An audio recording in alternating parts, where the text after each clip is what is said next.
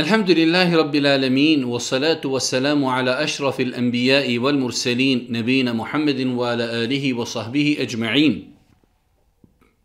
رب اشرح لي صدري ويسر لي أمري واحلل عقدة من لساني يفقه قولي Doista svaka zahvala pripada uzvišenom Allahu, tebareke ve ta'ala, salat mir i selam na Allahog poslanika, Allahog miljenika Muhammeda, alaihi salatu wasalam, njegovu častnu porodcu, njegove uzorite ashaba i sve ljude koji slijedi put istinu njega dana. Uvažno braću i poštovane sestre, uvaženi gledatelji, eh, evo nas u još jednoj emisiji u kojoj se družimo sa vašim pitanjima i vašim odgovorima. Ovo je, ako smo dobro brojali, naša 74. emisija u kojoj se družimo sa vašim pitanjima i vašim dilemama.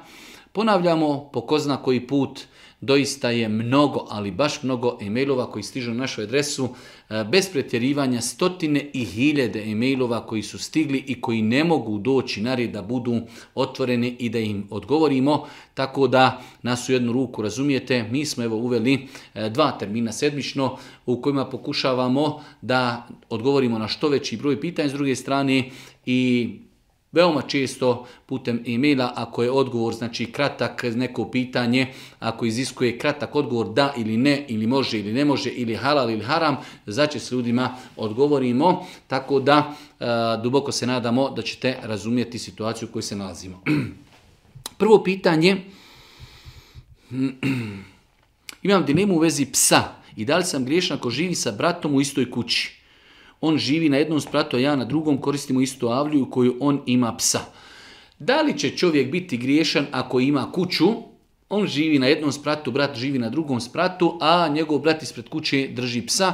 Duboko se nadamo da čovjek nema sa tim ništa, ono zašto će on biti odgovoran jesu zidovi njegove kuće, znači ondje gdje on živi, ako on tu ne drži psa, nadamo se inšala da on nema ništa s tim što njegov brat ispred njihove kući drži, drži psa i nadamo se inša e, da e, čovjek neće zbog toga biti griješan. Ako može na lijep način da tom svom bratu pojasni propis da kaže nije dobro, nije ispravno šerijatski i tako dalje. Ako prihvati dobro jest, ako ne prihvati nadamo se inšallah, da on kao pojedinac nema sa tim ništa i neće biti zbog toga griješan.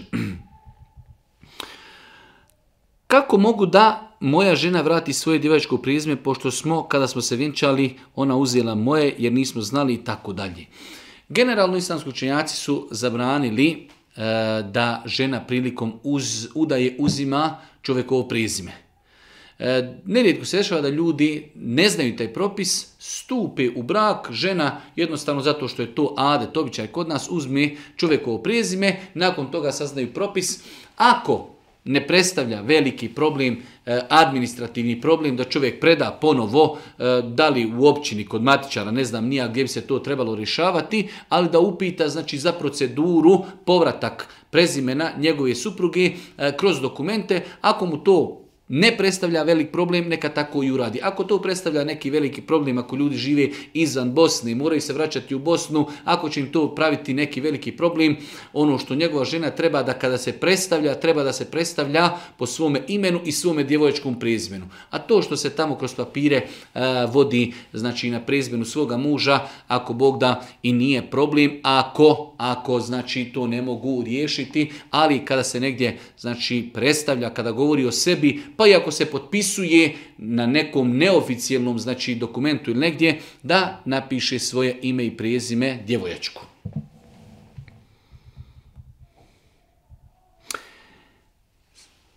De mi samo ukratko reci da li je dozvoljeno uzimati abdest bez odjeće i nakon kupanja odmah ispod tuša. Da li je dozvoljeno čovjeku da uzme abdest a, u stanju nakon tuširan kada na sebi nema nikakve odjeći.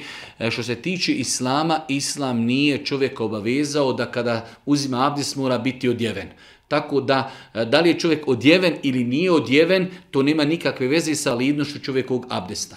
Tako da čovjek može abdestiti u odjeći, bez odjeći, s tim što čovjek koji bez odjeći treba dodatno malo da se potrudi prilikom oblačenja odjeći, da ne dotakne spolni organ, jer mi smo kazali da je ispravno mišljenje da doticanje spolnog organa bilo sa strašću ili bez strasti kvari abdest. Tako da znači uzimanje abdesta bez Odjeći je apsolutno validno, ali čovjek treba prilikom oblačenja odjeći da se pazi da direktno rukom ne dotakne spolni organ, svakako preko odjeći, preko peškira, ako dotakne spolni organ, to ne kvari abdest.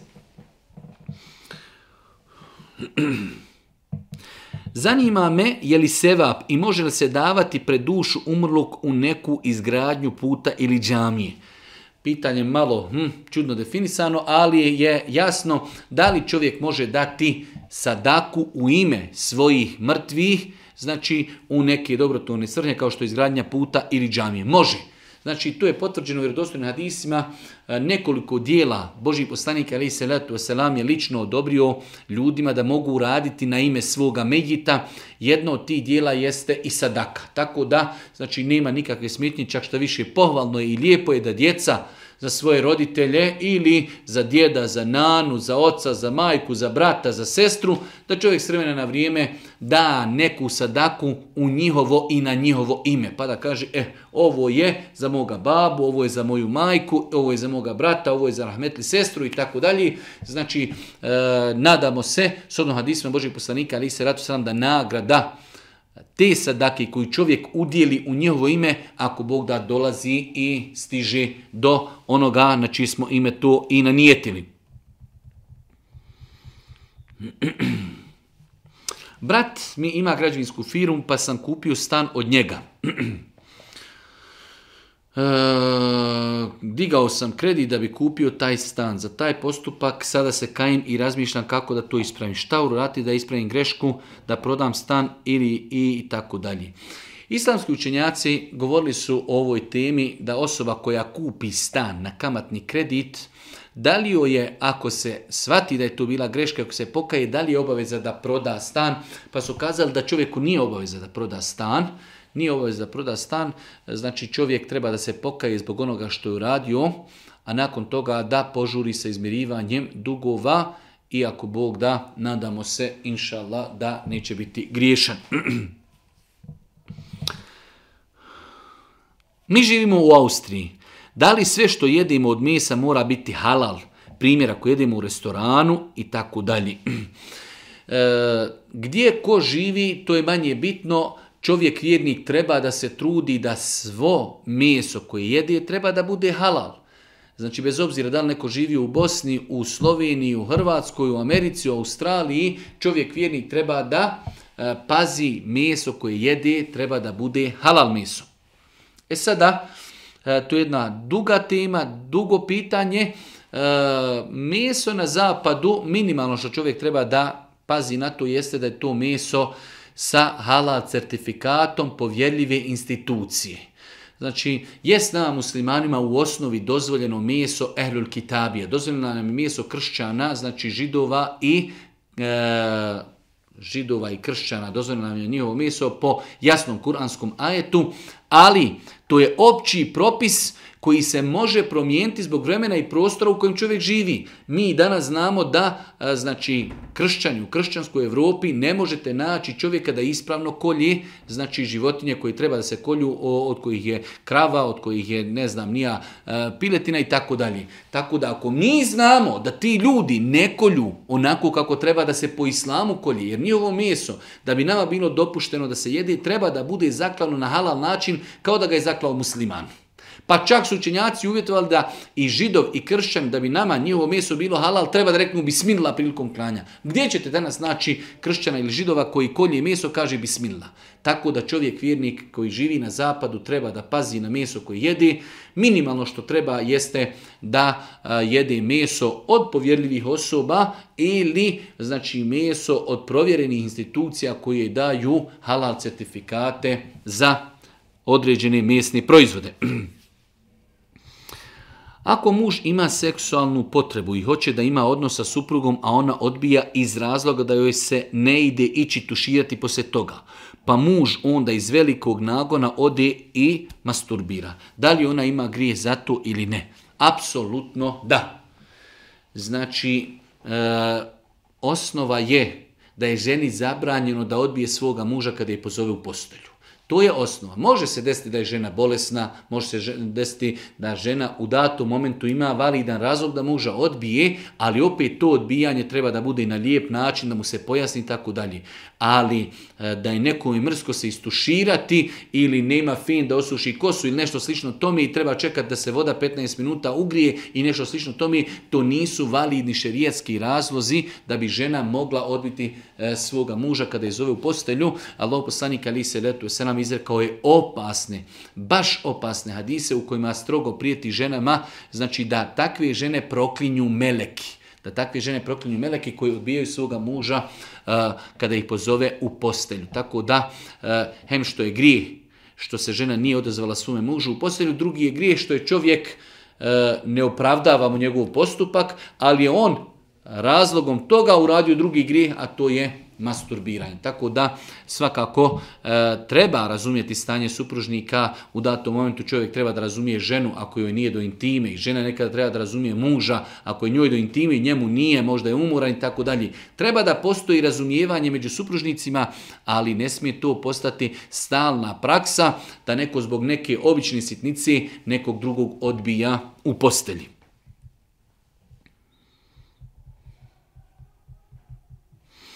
Pošto se bavim trgovinom, zanima me da li je dozvoljeno prodavati slušalce za mobitele. slušalce za mobitele, da li se mogu prodavati? Osnova je da mogu. Osnova je da mogu, iako znači imamo u islamu jedno veliko pravilo da stvari koje se mogu koristiti na halal i haram način, osnova je da ih prodajemo, znači, ali ako znamo da ih kupuje neko ko će ih koristiti na haram način, da mu ne smijemo to prodati. Jedan nož, znači osnova je da mi možemo prodavati noževe. Ali kada bi nam čovjek došao i kaže srdit ljud, dajte mi nož, želim da nekoga ubijem. Hoćemo mu prodati taj nož? Apsolutno ne. Tako da znači stvari koji se mogu koristiti na halal i haram način, mi u osnovi možemo prodavati sve dok ne znamo da osoba koja to od nas kupuje, kupuje da bi to koristila na haram i neispravan način. Zanima me da li je dozvoljeno pojesti slatiš e, koji u sebi sadrži alkohol. Postotok alkohola je 0,6. U pitanju industrijski proizvod nije domaći. Islamski učenjaci kada savremenog doba kada govore o proizvodima u kojima ima alkohola kazali su da nema smjetnje konzumirati proizvod u kojima ima alkohola, ali je procenat alkohola toliko malehan da bez obzira koliko bi čovjek konzumirao tog proizvoda neće osjetiti opojnost, jer je nama alkohol zabranjen zbog opojnosti. Velik broj ljudi e, brka dva pojma. Razlika je uzeti kap čistog alkohola i popiti, to je haram. Jer Boži poslanik ali se rato sram zabranjuje alkohol i u manjim i u velikim količinama. Ali ovdje se radi o drugoj situaciji kada je neko proizveo proizvod u kojeg je stavio alkohol, a alkohol je izgubio svojstvo opojnosti. Lakše je shvatiti na primjeru ako bi uzeli kantu od 100 litara vode, bure i na njega kapnuli 10 kapi alkohola. Da li ti 100 litara vode nam postaje haram? Apsolutno. Ne zato što se opojnost alkohola izgubila u 100 litara na tih 10 kapi koji smo stavili. Isti je primjer i proizvoda u kojima ima malehan, zanemarujući procenat alkohola koji ne prelazi 1%. Čovjek može takvih proizvoda pojesti koliko hoće, neće osjetiti opojnost. Tako da, znači, alko, odnosno e, u ovim slučajima gledamo da li se osjeti opojnost alkohola. Ako bi se opojnost alkohola osjetila, to bi bilo zabranjeno. Ako se osoba probudi džunup, na nekih 10 do 15 minuta pri sunca kako će postupiti jer nije klanjao saba. Osoba koja se probudila i vidi da je do izlaska sunca ostalo desetak minuta. Šta će uraditi? Da li će se okupati pa klanjati bez obzira što je sunce izašlo ili će uzeti tejemum pa klanjati, da ne bi sunce izašlo, a nakon toga se kupati, tačno ispravno je da će insan se okupati, makar sunce izašlo. Jer Allah poslanik ali se letu selam je kazao osoba koja se probudi, to je njeno namasko vrijeme, tada će klanjati namasko vrijeme. Pa insan koji je ustao 10 minuta do izlaska sunca, to je tek njegovo namasko vrijeme.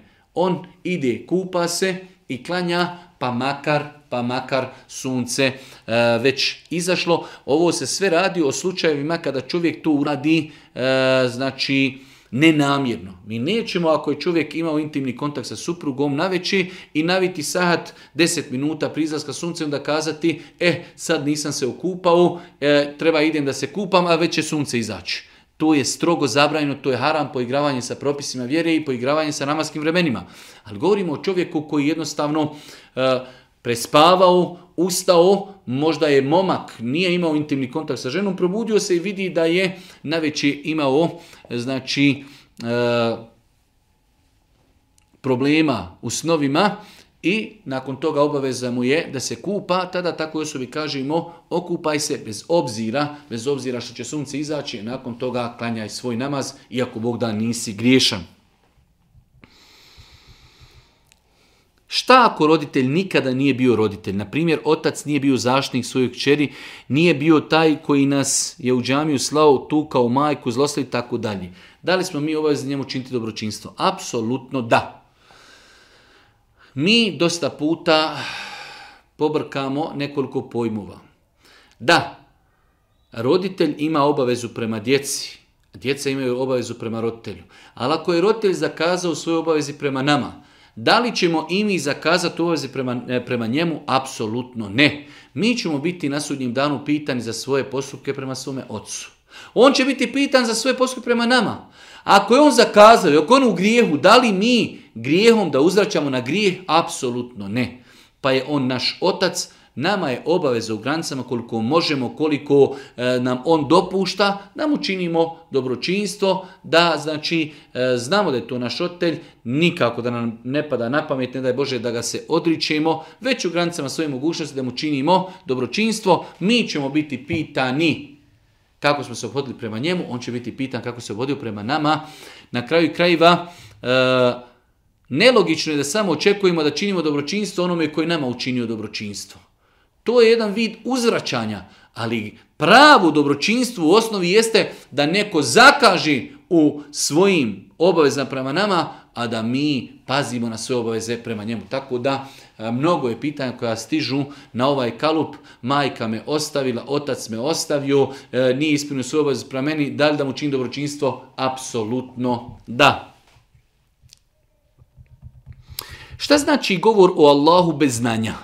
Da li mogu ako me neko pita da li je haram nešto, ja da odgovorim onako kako sam čuo od šehova poput vas i drugih ili to ne smijem. Govoriti bez znanja znači da čovjek priča o propisima, a nikada o tome nije čitao niti slušao kompetentne osobe. Ali da nas neko nešto upita, mi smo čuli doktora, profesora Safeta Kuzovića da na takvo identično pitanje kaže to može ili ne može, da to kvari abdest ili ne kvari, da je to dopuštena stvar ili nije i tako dalje, to je prenošenje znanja i u tome nema ništa loše ako smo sigurni da smo ispravno razumjeli i pitanje i odgovor, da se pozovemo znači na osobu, da kažemo čuo sam tog i tog daju na tom predavanju ili na tom mjestu, upitan su ga ljudi to i to i oni je odgovorio to i to tada čovjek ne govori o Allahu bez znanja, već prenosi znanje koje ču. Čak što više prenijeti znanje je, inšala, pohvalno i dobro djelo. Tako da nije to govor o Allahu bez znanja. Govoriti o Allahu i o propisima bez znanja je da čovjek prvi put čuje propis i kaže ja se sa tim ne slažem, ja mislim to nije tako, ne odgovara to za Bosnu, nije to Saudijska Arabija i tako dalje. To je govor bez znanja. Ali da čovjek kaže Neko tamo spominje propis, ne znam nija, je li dozvoljeno e, imati mačku kao e, kućnog ljubimca čovjek kaže, ja sam čuo profesora doktora Safta Kuzovića kaže da to može.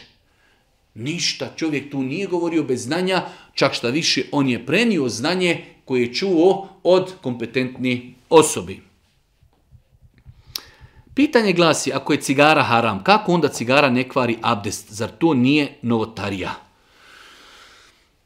neispravno je razumijevanje da svaka haram stvar kvari abdest. To je neispravno i nikada niko od učenjaka to nije rekao. Čovjek može očima raditi haram, a to ne kvari abdest. Čovjek može vidjeti, znači, na televiziji ženu koja je neispravno odjevena, ima abdest. Ne govorimo mi da je to ispravno. On uradio nešto što je neispravno, ali to ne kvari abdest. Samim tim isto tako znači i konzumiranje duhana.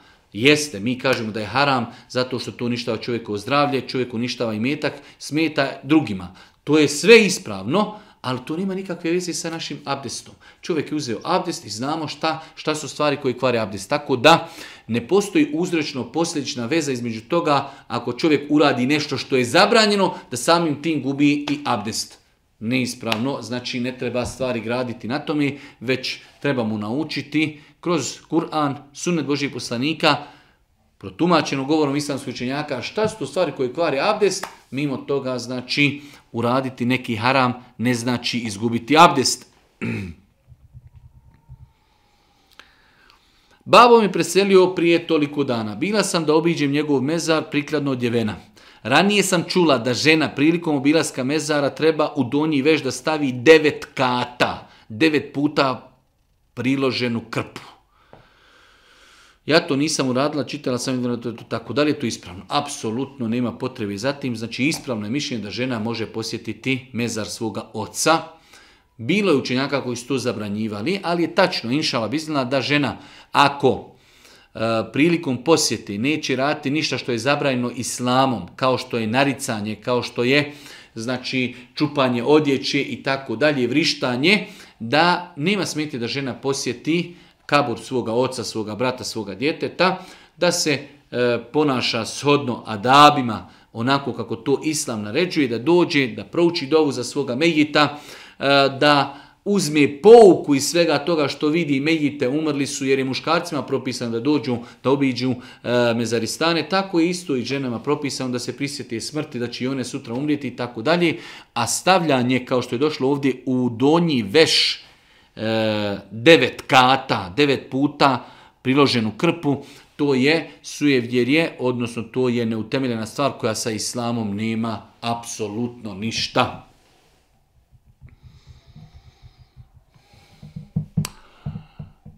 Naime, u nekoliko slučajeva od svoje nane bih čula kako za sofru ne velja sjedati u donjem vešu. Odnosi se na muškarce, pa ako mi možete odgovoriti da li je to tačno ili nije. Ne poznajem hadis, niti bilo koji drugi argument koji ukazuje da čovjek ne može e, znači tokom objedovanja da bude u odjeći u donjem vešu.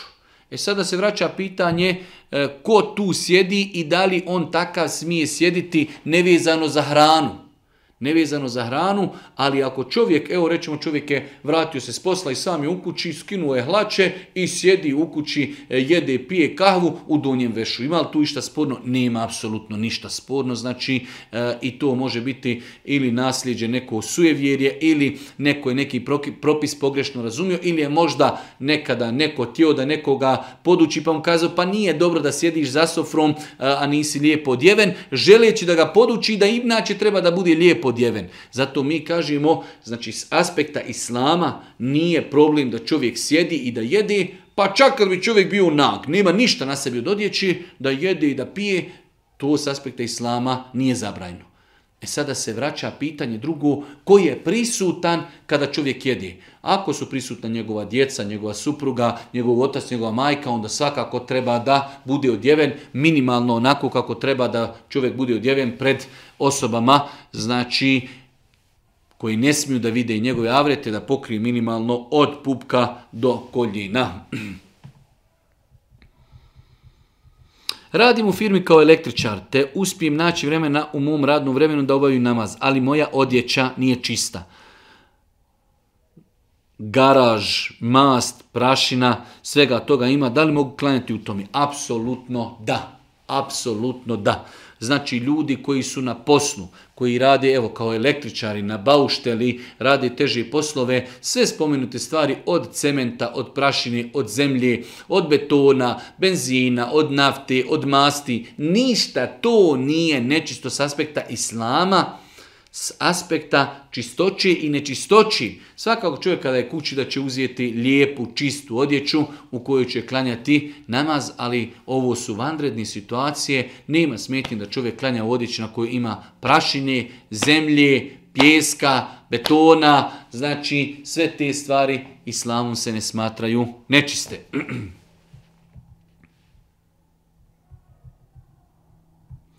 Jedno malo duže pitanje, E, pitanje da je žena bila udata za čovjeka pa su se razveli. Pa se on u međuvremenu oženio, sada bi on ponovo htio da oženi tu svoju prvu ženu pa da ima dvije žene. Ali roditelji te njegove druge žene ne dozvoljavaju da on vrati svoju ženu, već su mu kazali, kaže da on mora čekati tri mjeseca kako bi se oženio novom ženom. Znači, pitanje je da oni, tako su mu kazali, ako želiš da ženiš drugu ženu, treba da razvedeš našu čirku, a nakon toga ti kao imaš neki priček tri mjeseca, nakon toga se može ženiti, da li je to tačno? Apsolutno nije tačno. Apsolutno nije tačno. E, znači žene imaju priček nakon razvoda i nakon smrti svoga muža, jednostavno da se ustanovi da li je žena trudna ili ne. Muškarac Može znači da oženi e, jednu ženu, sutra da oženi drugu ženu i da danas radveza jednu ženu, sutra da oženi drugu ženu, tako da e, kad su u pitanju muškarci ne postoji propis pričeka. To je takav Allahov zakon, to nije nikakvo naginjanje na mušku stranu ili na žensku stranu. Žene nakon razvoda imaju svoj priček da bi se ustanovilo da li je žena trudna ili ne. Eh, kada je u pitanju muškarac, taj propis ne postoji tako da čovjek, znači, mi ne govorimo da li treba to urati ili ne, ali može čovjek da razvede danas ženu, sutra se ponovo oženi, da mu danas žena preseli, sutra se oženi, da danas oženi jednu ženu, a sutra da oženi drugu ženu, sve su to, drug, sve su to stvari koje su prema islamu dozvoljene. Hoće li urati, kako će urati, kada će urati, to je drugo pitanje, mi govorimo o propisima. Molim vas da mi, da li možete napisati šta je najbolje učiti za djec, za učiti od zaštiti djeci od očiju. Misli se na urok. E, kad su u pitanju mala djeca, najbolje djecu štititi učeći dove koje je Boži poslanik učio svojim unucima. U'izuke bi kelimatillahi tame, min kulli šeitanin wahame, wa min kulli ajnin lame. أعيذك بكلمات الله التامة min kulli šeitanin wahame wa min kulli Tri znači stvari koje su spomenute u ovoj dovi. Lijepo je da čovjek uči iznad svoga djeteta. Može nakon učenja dovi da znači e, bez pljuvačke već samo zrakom da da pljucne prema svome djetetu. To je jedan način. Isto tako e, može, ispravno je da čovjek E, uči iznad svoga djeteta, da uči e, suru kulhu valla, kul bi nas. I to su, ako Bog da isto, e, sure zaštitnice putem koji čovjek može štititi i sebe i svoju djecu od uticanja, znači i sihra i zavisti, a isto tako i od, od uroka. Hmm. Jedno malo duže pitanje, baš duže pitanje gdje jedna sestra obrazložila situaciju da joj je ponuđeno da radi u jednoj mikrokreditnoj banci. Njen posao bi bio posao je kreditni službenik.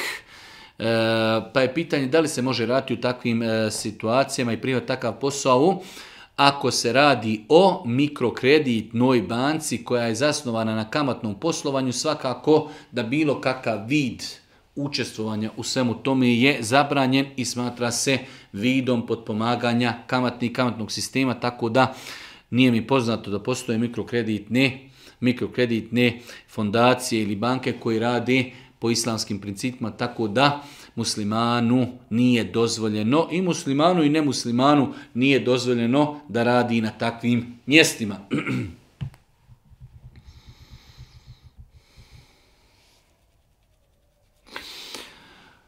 Možeš li na nekoj od svojih emisija ukratko objasniti na kojem stepenu treba da bude jedan musliman da bi recimo u današnjem vaktu komentarisao objave daija po Facebooku, ispravljao njihove greške i tako dalje.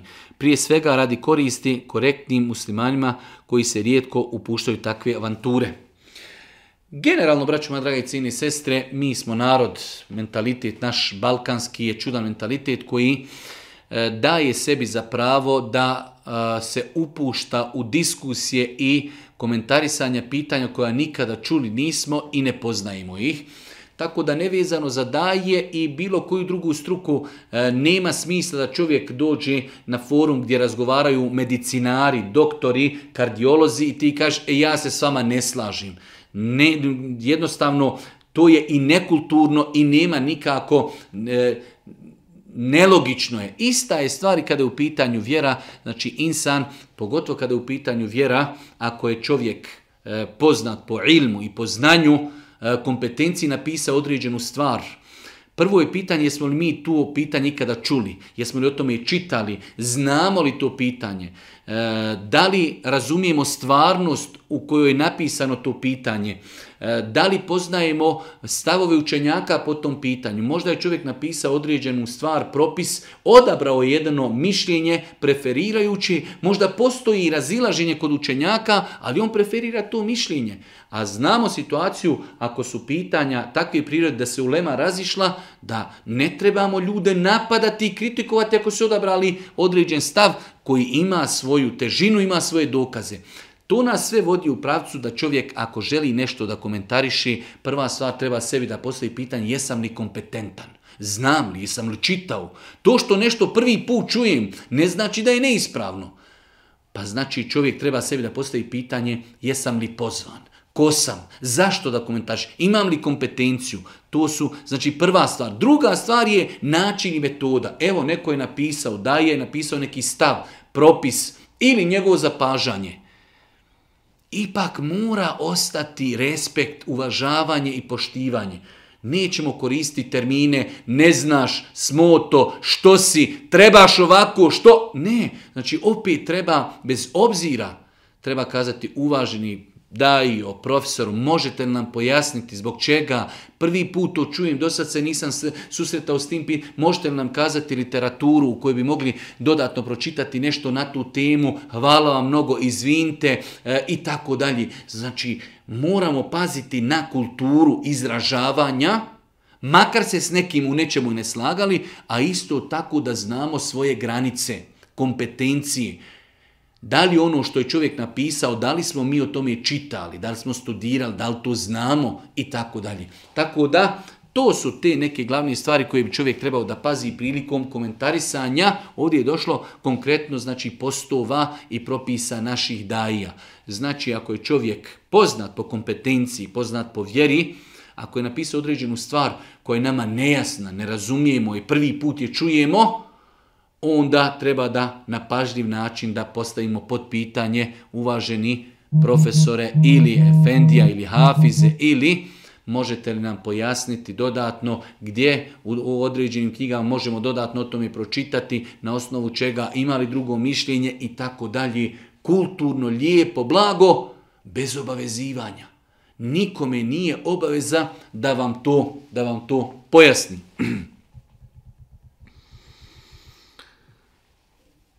Selam interesuje da li je haram naplaćivati učenje četiresnica i sedmina. Apsolutno da.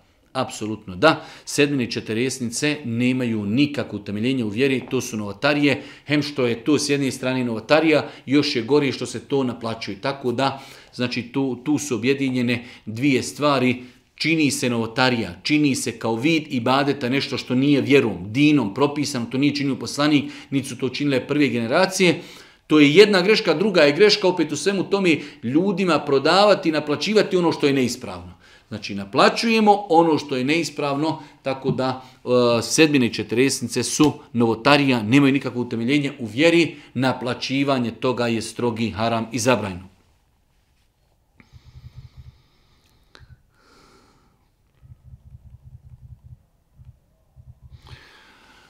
Standardna naša pitanja, znači gdje ljudi nekada ne razumiju određene stvari, pa čovjek kaže, osjećam se uvrijeđeno, jer ni u jednom vašem postu nisam vidio izuzetak, a smatram da bi ih trebalo biti. Doživio sam tešku savraćenu nesreću sa motorom i nisam mogućnosti da koristim desnu ruku.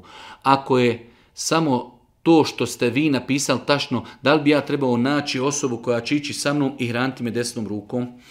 E, evo ja sam napisao tekst u kojem sam govorio o propisima, adabima, znači kako čovjek da se ponaša prilikom jela. I svakako argumenti jasno hadis Božih poslanika ukazuju na to da je zabranjeno jesti desnom rukom. Ali ljudi neće da razumiju da se to odnosi na normalne situacije. Ako ja nisam napravio izuzetak, zašto ga nije napravio Boži poslanik ali se Zar Allah poslanik nije znao da će biti ljudi koji će biti imati udese, i u to vrijeme ljudi su udareni ruku, osjećena ruka, nema ruke, zašto Boži poslanik nije kazao e, ovaj propis zabrani jedenja lijevom rukom se odnosi samo na ove koji mogu i ne mogu. To su opće poznate stvari osim kod nas. Zašto za svaku stvar? Svaku stvar koju bi sada govorili da kažemo e, namaz je obaveza klanjati stojeći. Ali ako oni koji ne mogu, oni mogu klanjati sjedeći. Pa svaki propis uvijek da moramo spominjati izuzetke, to nikada niko na planeti nije rekao osim naš bosansko-bošnjačko e, tvrdoglavi mentalitet koji uvijek traži neku, neku negativnost u onome što napišete. Umjesto da ljudi kažu Allah vas nagradio, potrudili ste se, satima ste sjedili da ste nam napisali 20 propisa u kojima ste nas podučili kako da jedemo i kako da se ponašamo, kako da ispravno radimo, dođe čovjek kaže niste napravili jedan izuzetak. Isti taj prigovor treba da se prigovori Božijem poslaniku, alihi seletu vaselam, svakako da nećemo prigovoriti Božijem poslaniku, alihi seletu vaselam, tako da neispravno je od ljudi koji tumači vjeru za svaku stvar da spominje izuzetak. Vjera se uči općenito, a onaj ko potpada pod izuzetak, on zna između njega i njegovog gospodara da čovjek ne može jesti desnom rukom, on će jesti lijevom rukom i on apsolutno nije griješan, ali nemoguće očekivati od ljudi koji ljude podučavaju vjeri da kada god spomenu propis da moraju spominjati i izuzetke.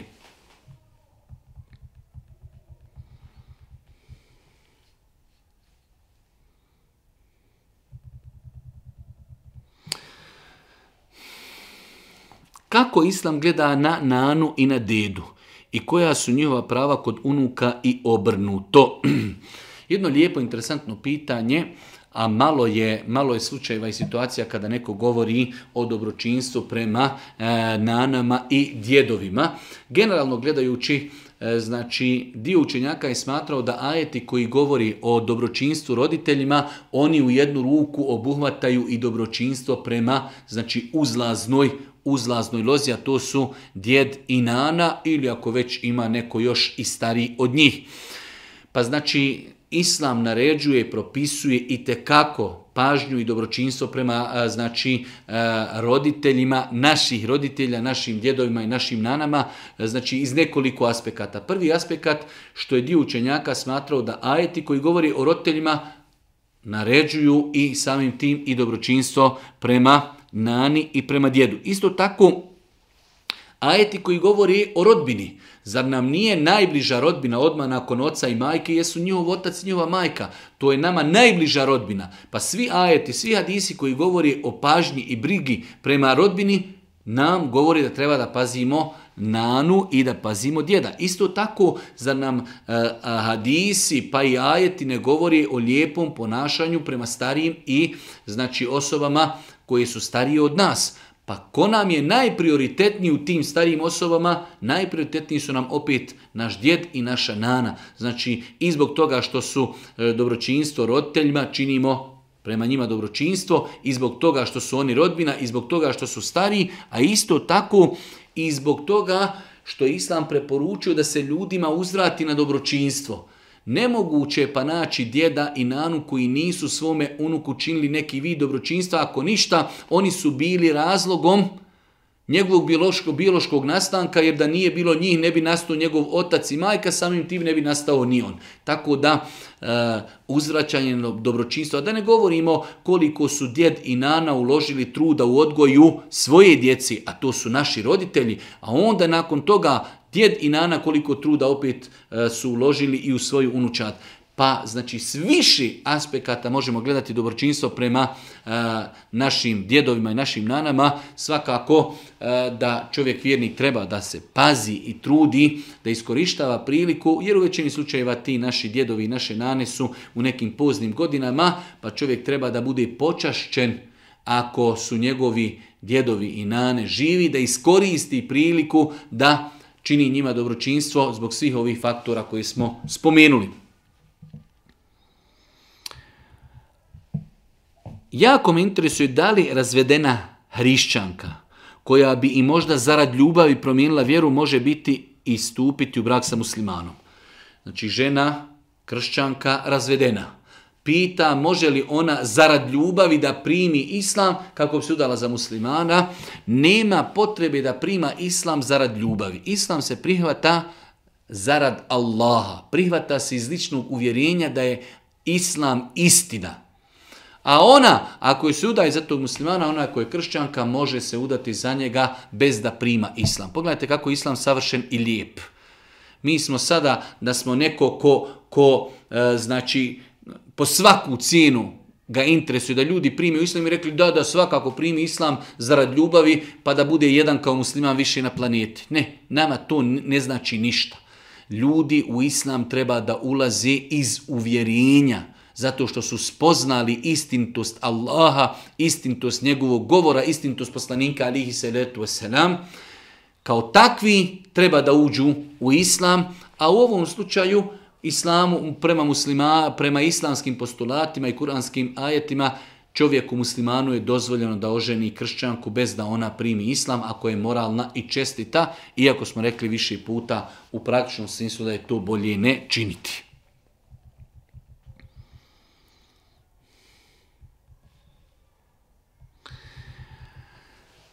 Imam 17 godina, učio sam jako dobro klanjati dnevne namaze, ali me jedna stvar strašno muči i to je što nikako fizički ne mogu da sjedim onako kako ste vi i mnogi drugi to pokazali u svojim videima, odnosno po sunnetu.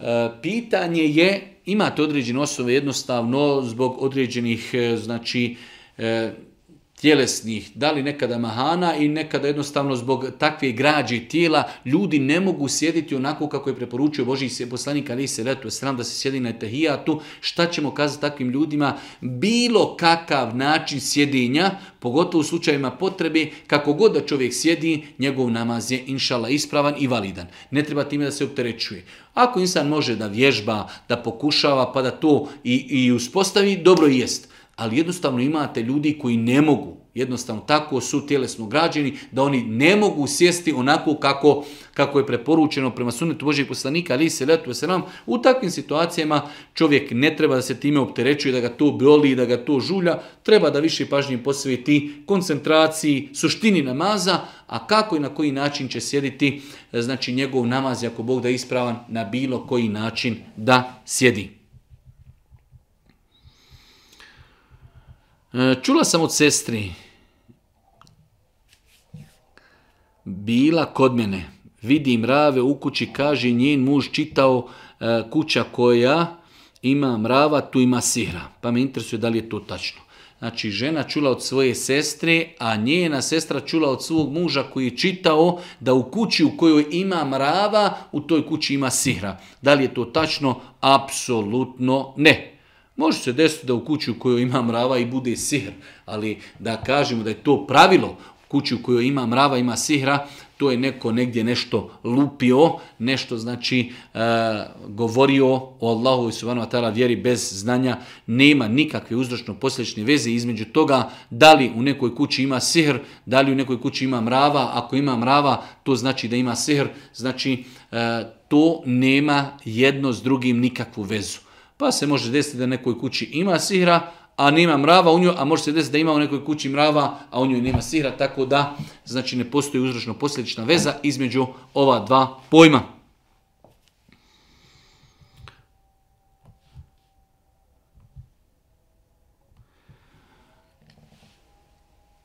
Možete li pojasniti da li nam je haram uzmati lijekove koji sadrže u sebi alkohol? Do sada sam izbjegavao i tako dalje. Lijekovi koji u sebi imaju alkohol, E, treba na njih gledati na sljedeći način. Prva stvar, e, treba pokušati tražiti alternativni lijek. Znači, ako imamo lijekove provjereno, da u njima ima procenat alkohola, svakako ako je taj procenat malehan, onda se ne treba na to osvrtati. Ali ako je to malo veći procenat, onda tražimo alternativni lijek. Ako imamo dva lijeka u jednom kažemo ima e, alkohol u jednom nema, ali oba će koristiti ako Bog da za bolest koju mi imamo, onda ćemo svakako uzeti lijek u kojem nema alkohola. Ako bi se desilo da imamo lijek u kojem ima alkohola, a nama je taj lijek neophodan i nema alternative, tada se nadamo da samo to dozvoljeno piti zbog potrebi.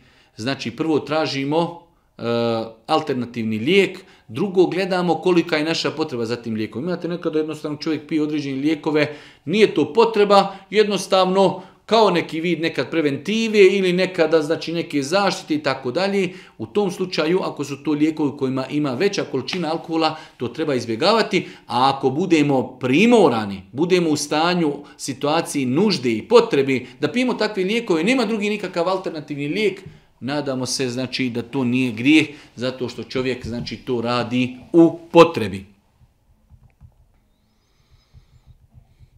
Da li se smije klanjati namaz prije određenog namaskog vremena zbog odlaska na posao u terminu kada nastupa taj namaz? Neispravno je klanjati po konsenzusu islamskih učenjaka namaz prije nastupanja namaskog vremena. Ako smo sigurni da namaz još nije nastupio, onda nema potrebe da klanjamo prije namaskog vremena, taj namaz nije validan. Ne možemo ako podne nastupa u 12, a mi idemo na posao, kažemo klanjat ćemo danas u pola 12 ili u 11, zato što na poslu ne možemo odvojiti vrijeme, nema nikakve koristi od tog namaza.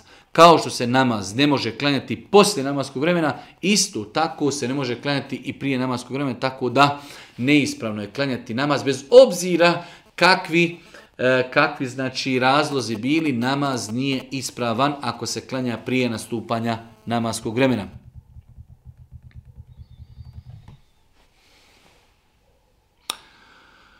Otac sam dvije čirke, jedna ima četiri godine, a druga pet mjeseci. Nisam zaklo akiku ni za jednu, pa vas pitam kako da to uradim i tako dalje.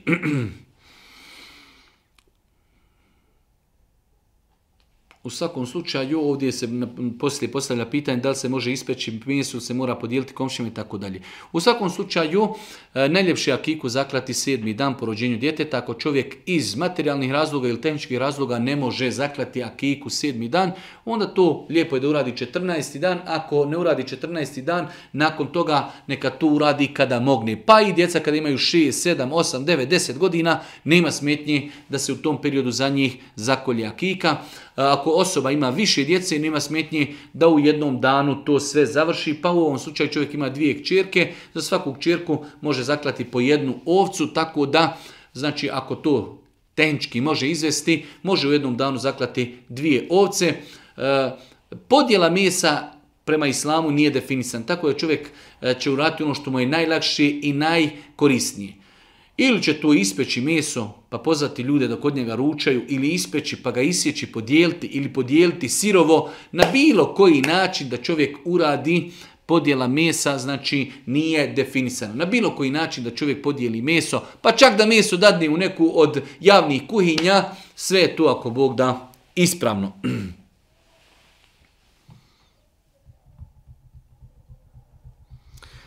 E, posljednje pitanje Momak ima djevojku s kojom u vezi 8 mjeseci imaju namjeru zasnovati brak, ali to neće niti da čuju njegov otac, njegova mati koji inače ne praktikuju vjeru i tako dalje. Generalno je pravilo znači da nije validnost braka uvjetovanja saglasnošću roditelja. Pogotovo u slučaju kada se roditelji protivi e, djevojci iz određenih vjerskih razloga, jednostavno nekada roditelji nije im drago što njihov sin želi da oženi pokrivenu djevojku.